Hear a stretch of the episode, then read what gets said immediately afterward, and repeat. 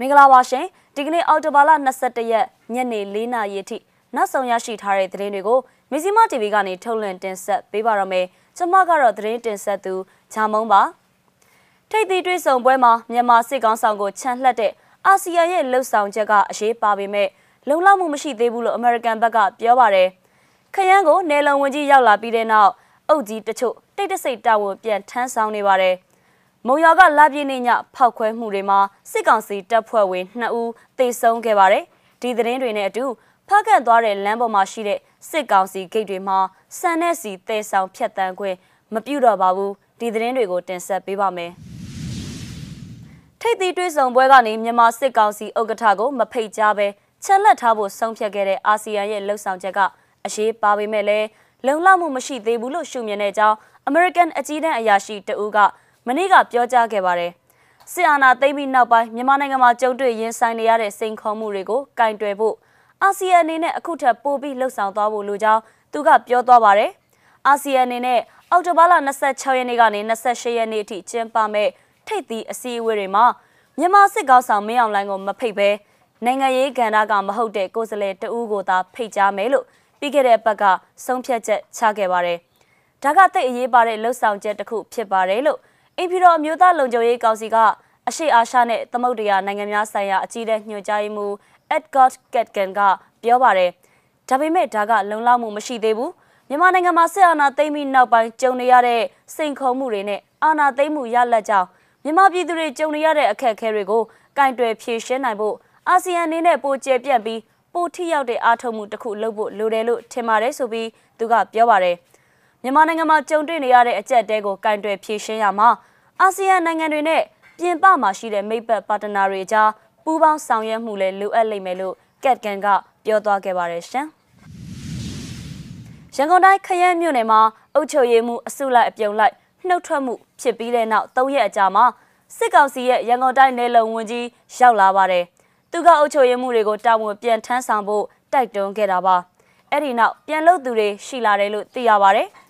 အုပ်ကြီးတွေကိုခေါ်ပြီးအစည်းအဝေးလုပ်သွားတယ်အုပ်ကြီးတွေရဲ့အသက်အာမခံတဲ့လုံခြုံရေးအာမခံတဲ့အုပ်ကြီးပြန်လုတ်ပေးပါအဲ့ဒီလိုတွေပြောသွားတယ်မြို့ပေါ်ခုနှစ်ရက်ကွက်ကအုပ်ကြီးရဲ့၁၂ရက်ကွက်ကရာအိမ်မှုရဲ့အခုလုတ်ပေးနေတယ်ရွာတွေဘက်ကတော့လုတ်တော့လုတ်ပေးနေကြတယ်လို့ခရမ်း PDF ကပြောပါတယ်နှုတ်ထွက်သွားပြီဖြစ်တဲ့အုပ်ချုပ်ရေးမှုအများစုကအော်တိုဘာလ18ရက်နေ့မှာတာဝန်ပြန်ထမ်းဆောင်နေကြောင်းခရမ်းဒေသခံကပြောပါတယ်ဒါအပြင်ခရမ်းမြို့နယ်ပြင်ပကို ထွက်ခွာသွားလာလူသူတွေအနေနဲ့အော်တိုဘာလ18ရက်ကစပြီးအုပ်ချုပ်ရေးမှုရဲ့ထောက်ခံစာပါရှိရမှာပါပြင်ပကားတွေလည်းလုံးဝဝင်ထွက်ခွင့်မပြုတော့ဘူးလို့ဒေသခံတွေကပြောပါတယ်နှုတ်ထွက်ထားတဲ့အုပ်ကြီးတွေကိုယ်တိုင်လှုပ်ပေးနေတာပါလှုပ်ပေးတာက18ရက်နေ့ကတည်းကပါလို့အဲ့ဒီဒေသခံကပြောပြပါတယ်ထောက်ခံစာလုပ်ဖို့ရက်ကွက်အုပ်ချုပ်ရေးမှုကိုကြက်ငွေ900ပေးရကြောင်းလဲသူကပြောထားပါသေးတယ်ခရမ်း PDF အဖွဲ့ဝင်တဦးပြောတာက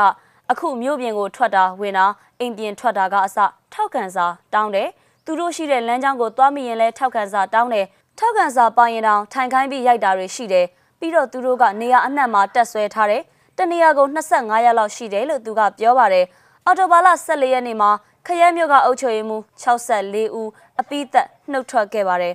ဒီလိုနှုတ်ထွက်ပြီး3ရက်အကြာမှာခရဲမြို့စီ နေလုံဝန်ကြီးကိုယ်တိုင်ရောက်လာပြီးအုပ်ချုပ်ရေးမှုတွေတာဝန်ပြန်လည်ထမ်းဆောင်ရေးအတွက်ကြိုးပမ်းခဲ့တာပဲဖြစ်ပါတယ်။